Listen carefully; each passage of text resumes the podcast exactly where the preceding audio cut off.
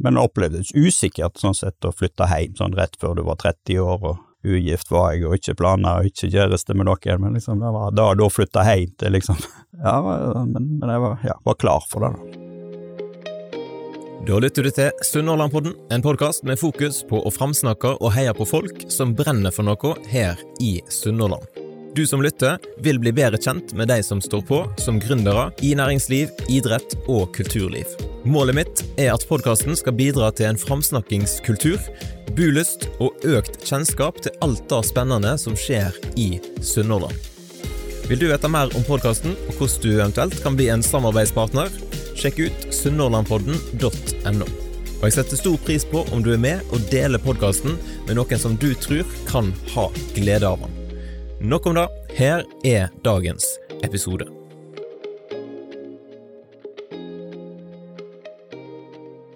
Den 16. oktober så kunne Morten Helland ta på seg ordførerkjedet til Bømlo kommune, og i dag skal du få bli litt bedre kjent med han og få høre om hvordan det er å være ordfører på Bømlo, og om eh, historien til Morten Resett. Velkommen til Sunnmørpodden. Tusen takk for det. Hvordan føltes det da, den, eh, den 16. oktober, å ta dette her eh, fine ordførerkjedet rundt halsen? Nei, det var fint da, men da har du liksom vært forberedt en stund sånn sett, så.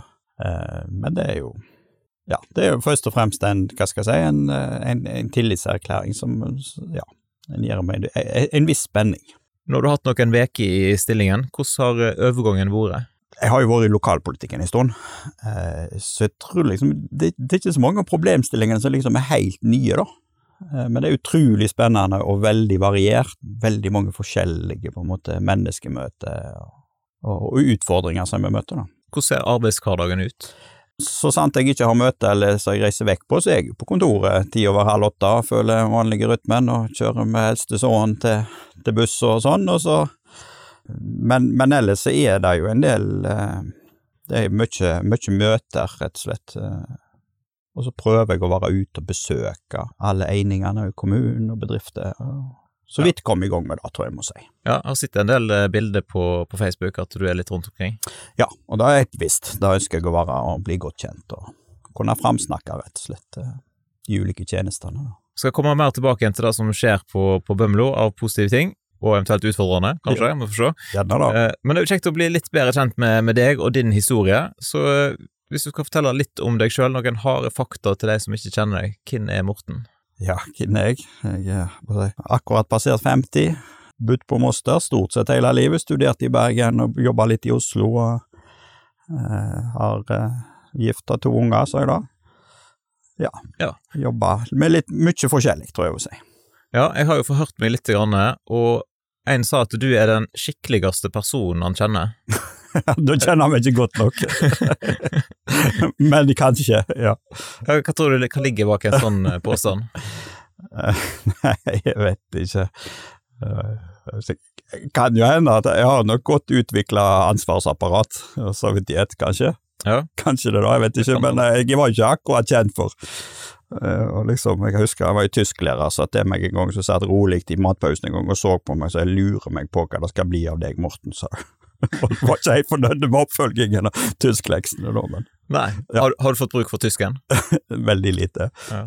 Men jo, jeg reiser mye, men uh, så jeg, jeg kommuniserer greit på tysk i Sør-Europa. Folk sier da at du er glad i friluftsliv? Det stemmer. Hvordan ser det ut? I det siste så har jeg nesten blitt mer glad i å være ute enn å liksom gå, gå turer, liksom. Så. Um, så hvis jeg har, har, tid og kan ta for eksempel båten ut, så jeg gjør det, og tenne et bål, kjekk på denne tida, da har vi lov å tenne bål, det elsker jeg. Ellers, hvis jeg skal gå, da må det være et lite prosjekt. Uh, så nå har jeg kjøpt meg utstyr så jeg kan overnatte ute i vinterfjellet. Ja, såpass. Må være et lite prosjekt. Hvor hen har du tenkt å overnatte, da? Jeg har jo en liten plan om å gå noe som heter Massivruta. Da, da, må jeg, da må jeg ha to uker fri. Og Da kan hende det blir litt vanskelig nå, jeg vet ikke hvordan det blir liksom midt på vinteren. Men, ja, spørs det. Ja. Men har du noen favorittplass på Bømlo å gå tur? Nei, som sagt, altså, Eller være ute? For meg, så jeg elsker å være ute i båt.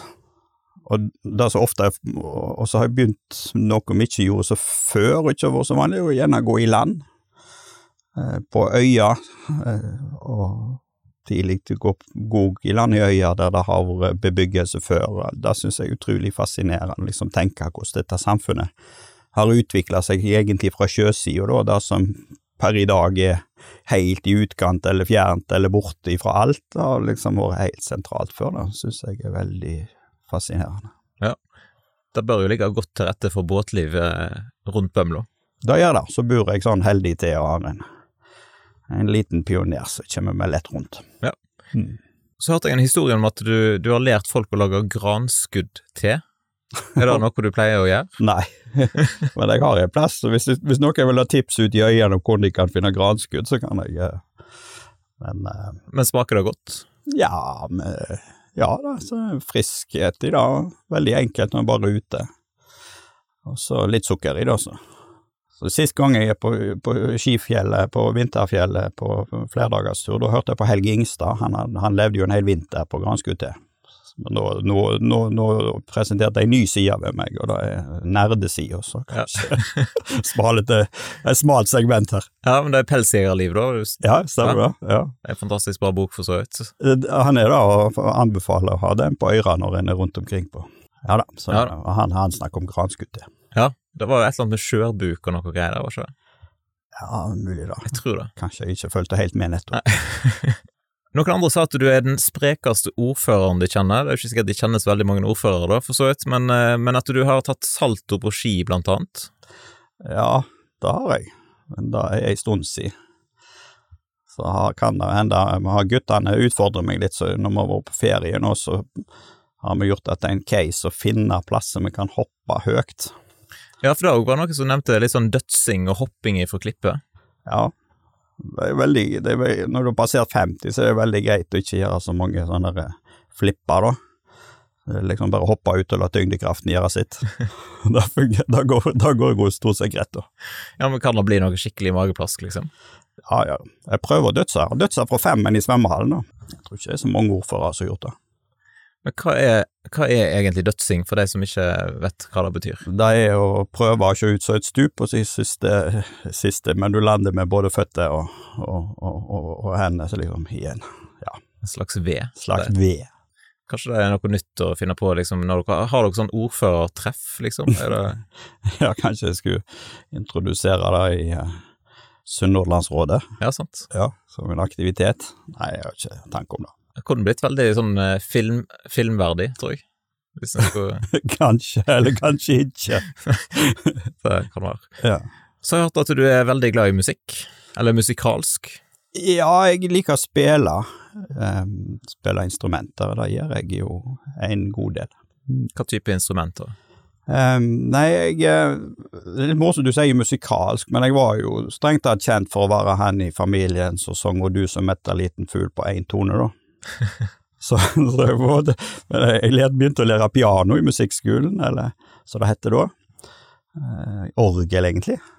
Så etter hvert så gikk Jeg har jo gått liksom voksen opp i bedehus og liksom hadde liksom Ja, hadde en god kamerat som var veldig flink og musikalsk og spilte og så på han, liksom, og så lærte vi oss etter hvert noen mønster, da, liksom, det, det er jo et type mønster i dette her, jeg er jo litt sånn realfagsmann og matematiker i hodet, så da liksom passet å finne disse mønstrene, da, så etter hvert så utvikla det seg til piano og gitar og bass, så jeg spiller mest nå, da.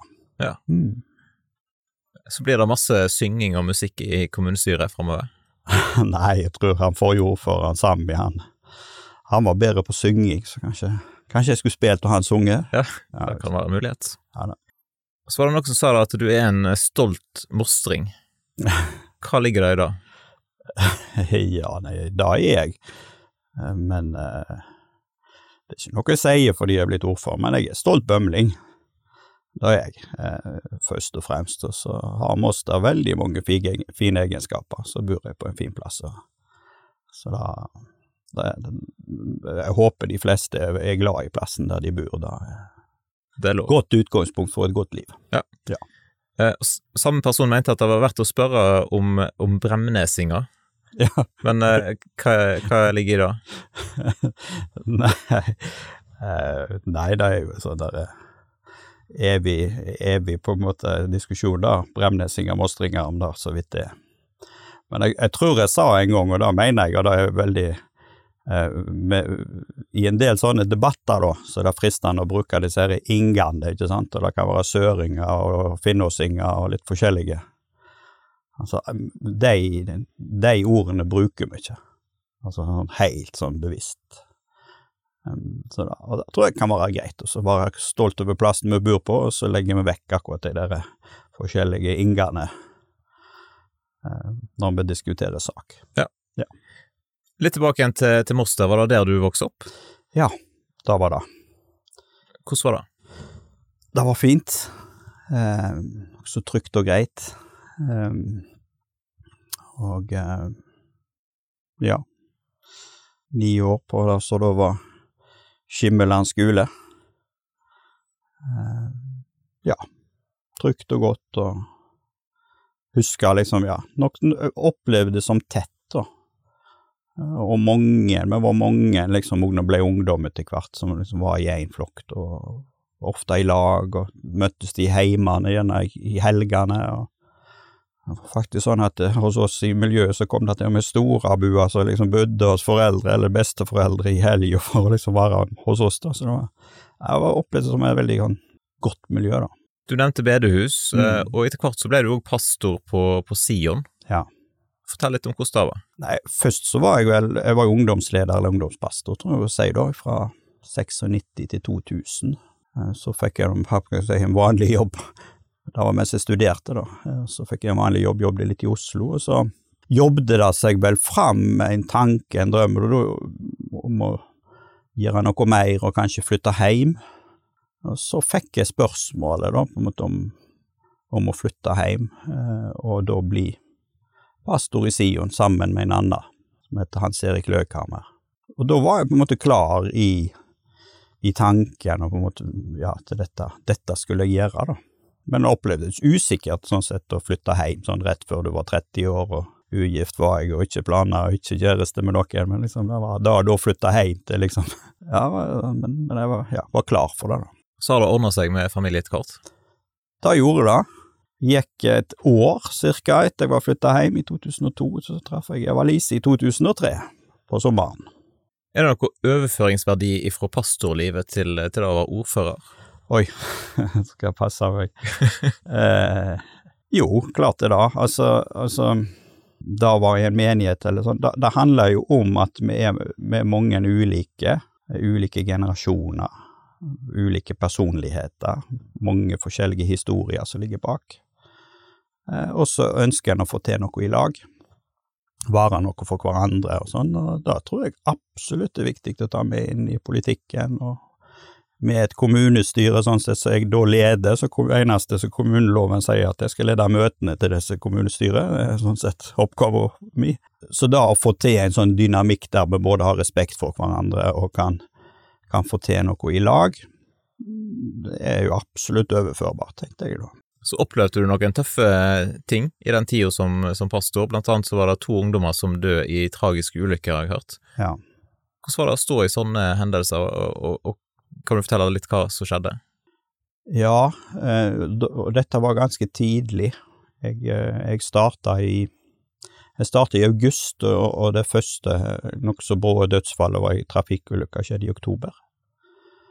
Og så gikk det fem måneder, vel, og så skjedde det ei til, helt brå, en, en ungdom på Først en på 16, en på 20. Um, og det er klart det var at det var, var, tøft i en ny jobb, da var jo én ting, men det er klart det er jo først og fremst for disse familiene eh, som opplevde brå tap, var vanskelig, og, og selvsagt for den ungdomsflokken, da, der delvis en del eh, var nære med begge to.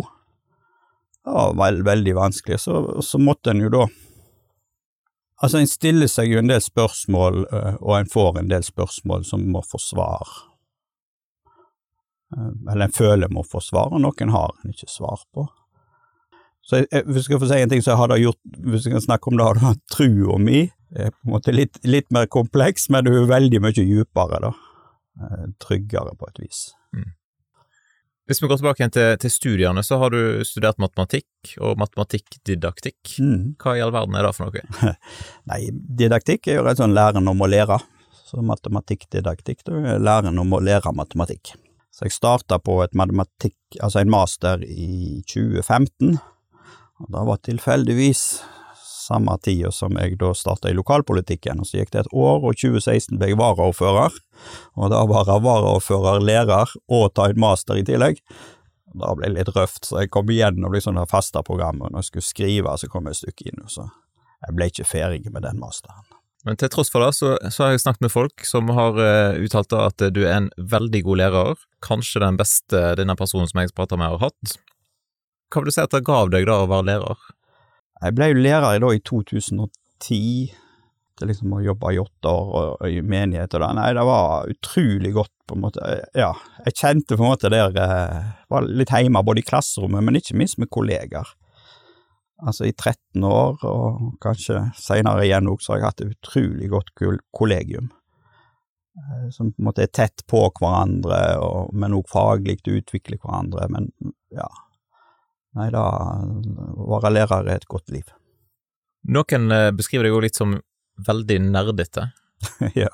Hva ligger det i det? Mange ting. Jeg har jo tekniske interesser, så i koronatida så bygde jeg vel mitt eget hjemmeautomatiseringssystem, delvis. Men eh, jeg kan jo gjerne liksom forsvinne litt inn i ting, da. Liksom, nå er det dette som gjelder, og så liksom Stemmer nok, da. Du sa årstallet du, du, kom inn i politikken, men nå fortell litt om hva som gjorde at du begynte å interessere deg for politikk? Jeg har egentlig alltid vært samfunnsengasjert uh, tidlig, liksom begynte å lese og, og, var interessert i politikk. Da kunne jeg huske fra jeg var liten, men det var litt sånn tilfeldig, og i 2015 så var jeg ikke engasjert i så mange ting. Jeg hadde ikke noen verv, det har jeg hatt stort sett siden jeg var 16 år, liksom før da. Um, og så fikk jeg spørsmålet da i 2014 eller slutten der om jeg, om jeg kunne tenke meg å stå på lista. Da òg var det en sånn type litt sånn lignende opplevelse. Der, da hadde jeg tenkt litt på. Det dette kunne jeg være klar for. Så når spørsmålet kom, så sa jeg at ok, da skal jeg stille meg tilgjengelig for, da. Eller til disposisjon. Så ja. Så ble det sånn, og så fikk jeg en plass der jeg kom inn i kommunestyret, og så det liksom utvikla seg derfra. Hvorfor ble det akkurat eh, KrF? Det har nok alltid vært partiet mitt. Det er klart altså, jeg kommer sånn sett ifra gjerne være programforplikta til det med den bakgrunnen jeg har, men, eh, men etter hvert så har jo politikken tiltalt meg enda mer. Én ting er verdipolitikken og familiepolitikk og måtte da stå på de svakeste sida, men så har jeg fått mer og mer sansen for dette kristendemokratiske sentrumssynet, da. Som er? Det blir ikke ofte sagt så mye, men mange ganger, mange vil jo si at det er den kristendemokratiske tanken har bygd opp igjen Europa etter andre verdenskrig. Altså dette om at eh, og kristendemokrati for meg og sentrumspolitikk handler om at eh, en finner felles løsninger eh, som gjør at som sagt, noen som er ulike, eller ulik bakgrunn, eller til og med ulik synspunkt på ting, klarer å finne én måte å å, å, å, lovregulere eller regulere et samfunn på som blir best for flest mulig. Og da synes jeg, da tiltaler meg veldig. Altså, politikk og samfunn handler, handler i stor grad om å, om å, finne gode løsninger for flest mulig, da. Ja, Da er det greit å være et sentrumsparti? Ja, da synes jeg. Jeg har rett og slett veldig sans for ideen. Du forteller litt om hvordan valgkampen var nå i høst.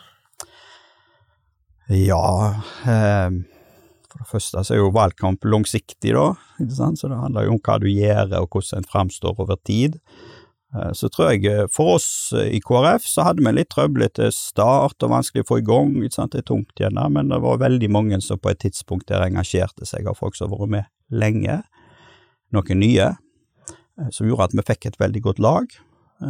For oss var det viktig for det første å framsnakke hverandre, og alltid på en måte når vi liksom framstår eller gjør noe, eh, så, så framsnakker vi med det vi er med på, da. Og det var kjekt etter hvert, og for oss er det viktig med lokalt næringsliv, verdiskapning som skjer lokalt, dette med en hverdag, meningsfull hverdag for alle, og så, ja. Så fikk vi bra respons på det, da, og det har jeg veldig lyst til å si det handler om at vi har vært et team, og ikke ikke først og fremst enkeltpersoner. Hadde du tidlig tro på at du kom til å bli ordfører? Egentlig ikke, men etter sommeren så, så begynte vi gjerne å se at det her var egentlig bra respons. Så fikk vi vel en meningsmåling i Jo, vi fikk en meningsmåling i februar som var ganske bra, der vi lå omtrent på det vi har hatt før. Og vi har jo vært sånn sett litt utenfor styring i, i fire år, da. Og så fikk vi en meningsmåling i vel noen uker før valget der, der vi òg gjorde det en del bedre. Og der det da ble tydelig at en gjerne var ordførerkandidat, så da Ja, fra da på en måte var det gjerne sannsynlig. Ja, Hvordan føles det? Nei, vet ikke jeg, altså. Jeg prøver å ha den innstillingen til politikk at dette er et tillitsverv. At så lenge du har tillit, så, så har en muligheten. Så har en jo lyst til å bidra òg, ikke sant. En har lyst til å være med. Jeg syns jo det er interessant. Og så er det jo en side her at jeg har vært lærer, og det er senere avdelingsleder og, og med i ledelsen i en skole som har slått seg sammen, og to har blitt én, og det har jo vært travelt. Og så har han vært lokalpolitiker i tillegg, så er fylkesleder i Vestland KrF. Så det er klart det var litt mange verv, og der en nå har muligheten til å konsentrere seg mer om én ting, så kona har uttalt at hun gleder seg til jeg bare skulle være ordfører. Kan jo hende hun må spise de ordene, men, men det er liksom litt et uttrykk da for at en får gjerne muligheten til å liksom gjøre én ting, da. Og KrF eh, gikk fram med 3,2 Mm, hvis jeg har lest rett. det stemmer. Men det var Høyre som fikk flest eh, stemmer. Ja. Men likevel ble du ordfører. Hva, hva skjedde der? For det første, det er jo en historie for seg sjøl, men vi sier jo ofte hver i stemma teller. Vi, vi mangler jo bare én slenger, altså ett sånn personstemme, på at vi fikk inn det sjette mandatet. Så det var fryktelig få mandater, 125 stemmer til, til Høyre. Så det var mange ting jeg, Ja. Eh, Men det er klart jeg fikk nokså mange personstemmer. 250 kandidatstemmer, som det heter, mer enn en neste, så da, da er nå én ting, da. Så er det en forhandling der. Det er det. Men hva kan, hva kan folk på Bømlo forvente av deg som ordfører?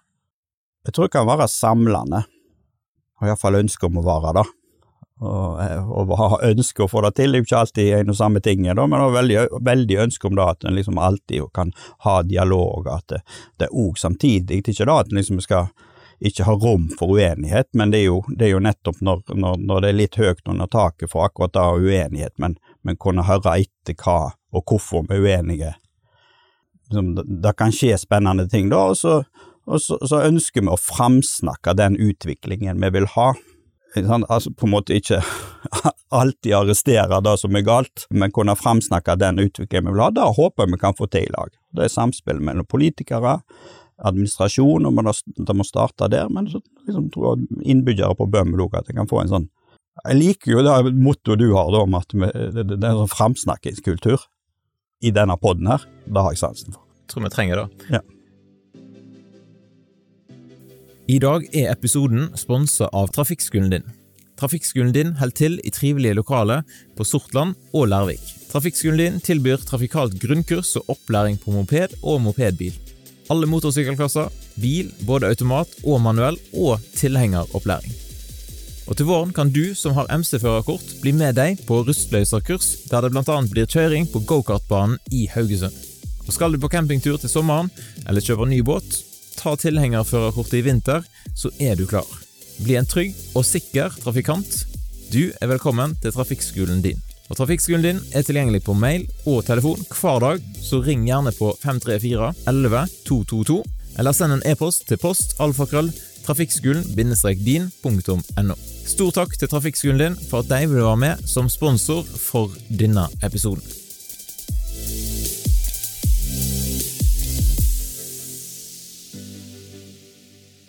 Hvis du skal beskrive status eller situasjonen for Bømlo kommune nå, hvordan ligger det an? For det første så har vi jo ok tilflytning. Vi har jo nett, altså i antall akkurat like mange tilflytninger som en har på, på Stord, så prosentvis da mer. Så det er bra. Det er veldig mye positivt som skjer i næringslivet. Vi har et uh, variert næringsliv, sånn at vi har mange bein å stå på. Det er store planer både i Rubbestadneset, i Longevåg og delvis på Moster og andre plasser, så er det utviklingsplaner, da. Kon veldig konkrete. Men så står jo vi òg uten føre utfordringer på, på endring i, i tjenestetilbudet. eh, som gjør at vi Det kan nok hende vi må, kan hende vi må skru ned forventningene til hva det offentlige kan levere av tjenester. Og Det handler jo så enkelt som at eh, der vi for noen år siden var fem si skattytere eh, mot, mot mottakere i systemet, der vi kan komme helt ned imot to per mottaker om veldig kort tid. Og det er klart, Da utfordrer jo hele på en måte modellen med samfunnet om at noen yter og noen mottar, når forholdet endrer seg så drastisk som det gjør. Er det litt på grunn av eldrebølgen og sånn? Ja, det er av at demografien endrer seg. Men da er det viktig å si at den endrer seg jo bare i en periode. Jeg er født i 73, og da flater jo fødselstallene veldig ut. Sånn at en må ikke liksom, en kan ikke rigge noe som skal, liksom skal vare for 50 år heller. Altså, for plutselig er det masse ting som står tomt, eller vi har rigga et system som ikke sant, er for en, en, en, en, god del eldre, mens da etter 20 år så Men ja, det er eldrebølgen. Dere jobber med å få, Du sa at du var fornøyd med tilflytning, men dere har jo et sånt prosjekt om å få ja. enda flere til å flytte til Bømlo. Lagde jo en episode med Mari Pedersen Totland om, om, tilflytning, som folk eventuelt bør inn og lytte til hvis ikke de har fått med seg den. Men hva vil du si er liksom de beste grunnene til å flytte til Bømlo? Nei, så Det er jo alminnelige tingene, da. At, at, at, det er fantastisk flott der, og det er trygt og godt. og Så en som alle har hatt en sin Moster-periode, var det en stor abus som sa. og I dag sa han at det var mye rimeligere å bygge hus der, da. Så at du kan komme rimelig ifra det og etablere deg der. Prioritere litt annerledes. Så har en, og det er veldig viktig å si, et veldig spennende næringsliv som trenger mange ulike kompetanser, og eh, høyt utdanna og, og, og, og, sånn. Eh, og så har han et trygt og godt, en har godt utbygd eh, skolestruktur, nye skoler, gode veier, nokså trygge veier, så det er en del av disse investeringene som er gjort i Bømlo kommune, der en kommer ganske godt og gir godt grunnlag for, for spesielt med små barn å komme og etablere seg. Dagens tips, rett og slett? Rett og slett, da. Så da, prøv, prøv Bømlo. Hvis du ser framover, da, hvordan ser kommunen ut om ett år eller om fem år? Ja, altså da å, skape endring tar jo litt tid, eh, men jeg håper at om ett år eh, så ser vi litt mer tydelig på en måte hvor hendene vi må, hvor henne vi må endre, for vi ser jo at vi må, eh, vi må gjøre enten omstrukturering eller vi må endre hvordan vi driver kommunen. Så at vi ser litt hvor vi gjør det. Om fem år så håper jeg at vi har, har, gjort en del endringer. Jeg har stort sett gjort de oppgraderingene vi trenger på alle skoler. Ferdig med Bømlopakken. At veiene er stort sett sånn oppgradert, og, og, og at vi har, har, en struktur som gjør at vi kan, kan møte den demografiendringen som, som møter oss da. Helst med litt penger på bok. Klarer du å se 25 år fram i tid?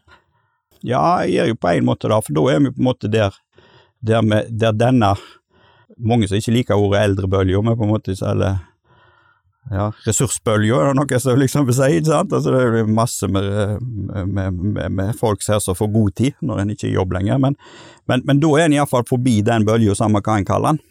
Men akkurat ikke for meg hvordan det blir, det er litt sånn uh, Da er disse store fødselskullene liksom da er vi helt i slutten på det, så er det vanskelig å opprettholde befolkningsveksten, tror jeg, hvis en ikke ser noe nytt, da. Ja, dette med kommuneøkonomi, altså iallfall her på Stord så er jo den veldig krevende. Ja. Hvordan, er, hvordan er den på Bømlo? Han er noe bedre i år, eh, som gjør at vi kommer sånn ok i mål, men òg hos oss så må vi gjøre eh, endringer. Fordelen på Bømlo, da, det er at vi har gjort ganske mange av disse store investeringene som trengs å gjøres. Det gjelder sykehjemsplasser, der vi har disponible, så ikke i bruk per nå. Vi har bygd på en måte da i en gunstig tid. Eh, skoler, stort sett, eh, er oppgraderte eller nye, med noen unntak som vi nå ser på. På vann og avløp vi kommet veldig langt. Infrastrukturen der, da vet jeg både her på Stord, men egentlig veldig mange andre plasser i landet, så er det et enormt etterslep på det. Der har vi kommet langt. Ehm, så, så, jeg tror vi har gode forutsetninger for å komme i mål. Så er det selvsagt noen ting som, som er, er, er, kostbare på Bømlo, som er Ja, jeg tror vi gjerne vi må, må finne gode løsninger for å løse bedre, da. Som for eksempel?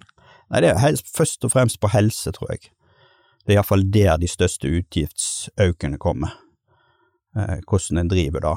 Um, og det er vanskelig, for at forventningen om at vi skal kunne ha det sånn som vi har hatt det før, eller tjenestene som de har vært der før, eh, vil jo være der, men en sier jo da skal en gjøre eldreomsorgen som en har gjort den før. Det er farlig å bruke det bildet, da, men det har nå vært sånn at det er stort sett kvinner som er La meg snu på det. Hvis det var ett kjønn, så skulle det sånn sett være det, da, så må halvparten av det kjønnet da være sykepleiere eller i helsesektoren. Eh, og det er klart, det går ikke. Altså, det er ikke nok hender til å gjøre det på den måten vi har gjort det før, så, så derfor så må her skje noen endringer. Da. Men da tror jeg de, de er allerede i gang, de, og, og, og en har, har, fått det til. Det tror jeg vi skal få til, men vi må gjøre mer. Hvordan er kraftsituasjonen? Jeg har forstått at det er litt sånn utfordrende, iallfall for industrien her på Stord? Ja, det er det samme. Det er jo egentlig hele området. Så Invest in Sunnhordland har jo gjort en analyse der sant, av hva behovet er, og hva muligheter her finnes. Eh, og noe av det starta jo at eh, både næringslivet, men òg Finnås Kraftlag hadde et prosjekt der en så på hva er behovet på Bømlo. Eh, hva trenger vi av kraft, hva er tilgjengelig, og hvor er, hvor er liksom flaskehalsene, da. Og det som viser seg, er jo at flaskehalsene er inn i systemet. Altså muligheten til å få tilført kraft til oss, er, altså regionen. Men det skjer masse spennende her. Jeg var på to dagers seminar i lag med Finnås Kraftlag der dette var eneste tema, egentlig. Så jeg tror på vi finner løsninger. Det kan handle om batteri som gjør at, at En måler jo hele tida hva en trenger ut ifra makseffekt. Og da er jo disse takene, den der kalde natta i, i, januar eller februar, hva tid den treffer, du liksom måler den makseffekten. Men det er klart, hvis du har batterisystemer som gjør at du kan ta ned den toppen, da, da vil det hjelpe nokså mye. Så det er nå én måte, eller lokalprodusert, nær vind eller nær sol på allerede eksisterende infrastruktur, altså ikke nye parker, men på, på industriområdet, på industritak, på privattak. Her er en del som, som, hver for seg er lite, men som i sum kan bli nok da, til å ja, fortsette utviklingen vi trenger. Har du noen tanker om Bømlo som altså, hva er rollen til Bømlo som eh, en del av Sunnhordland og, og, Vestland fylke?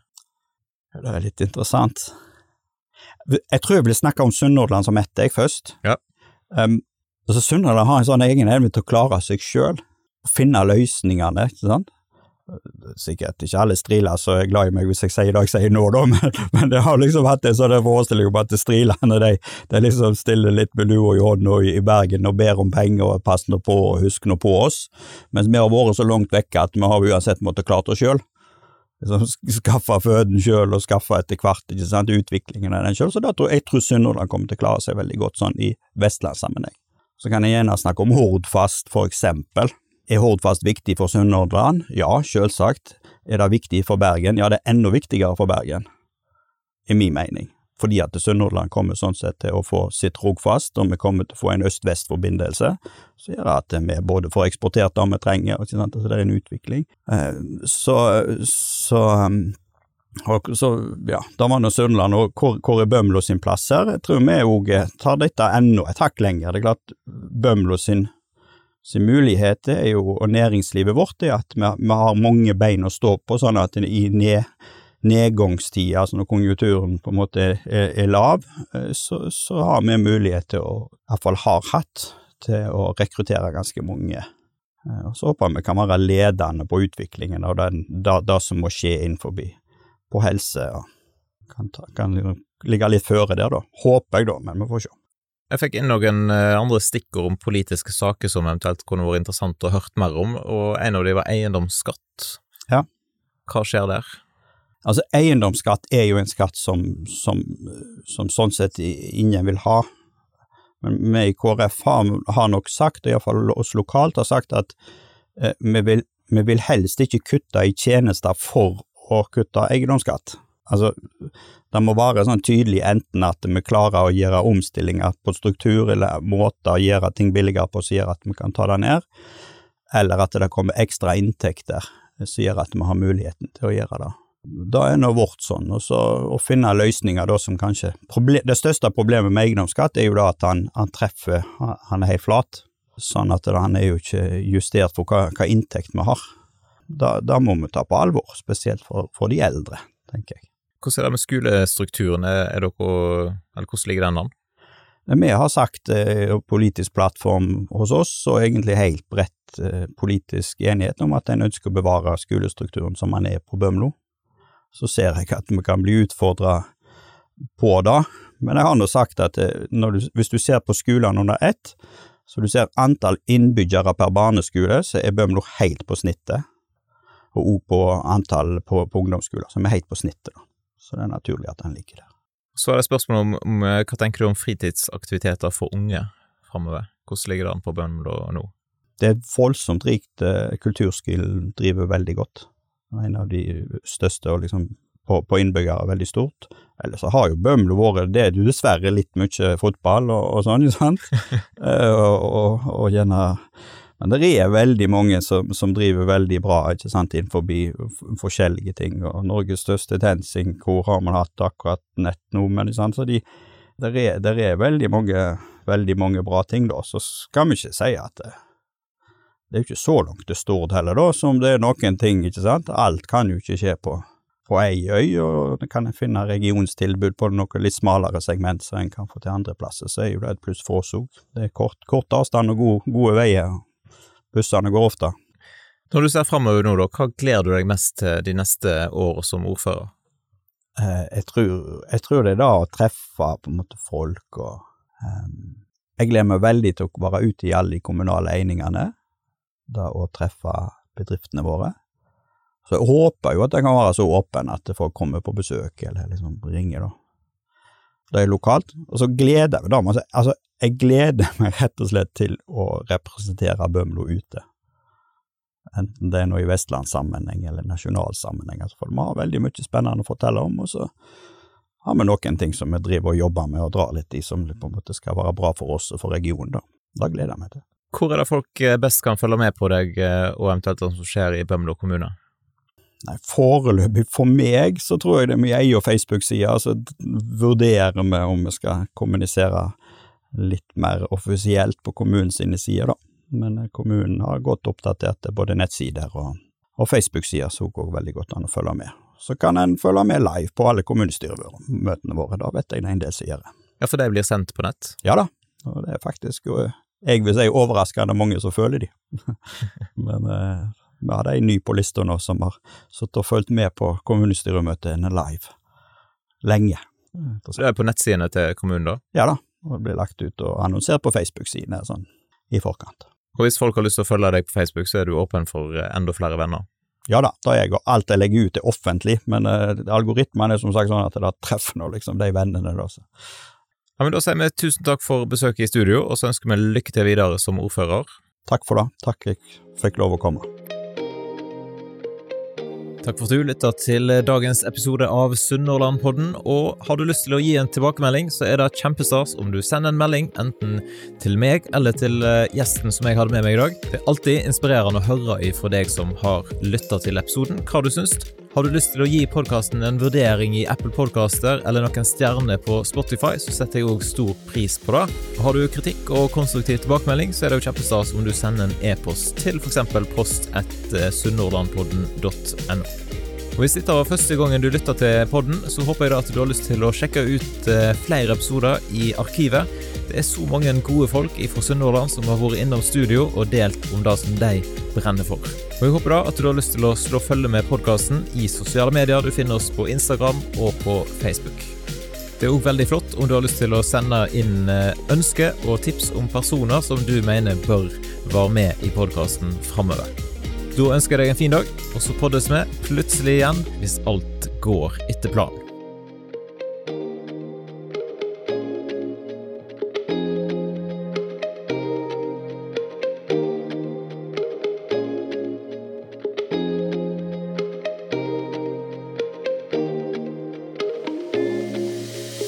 Podkasten er produsert av Kjetil Fyllingen.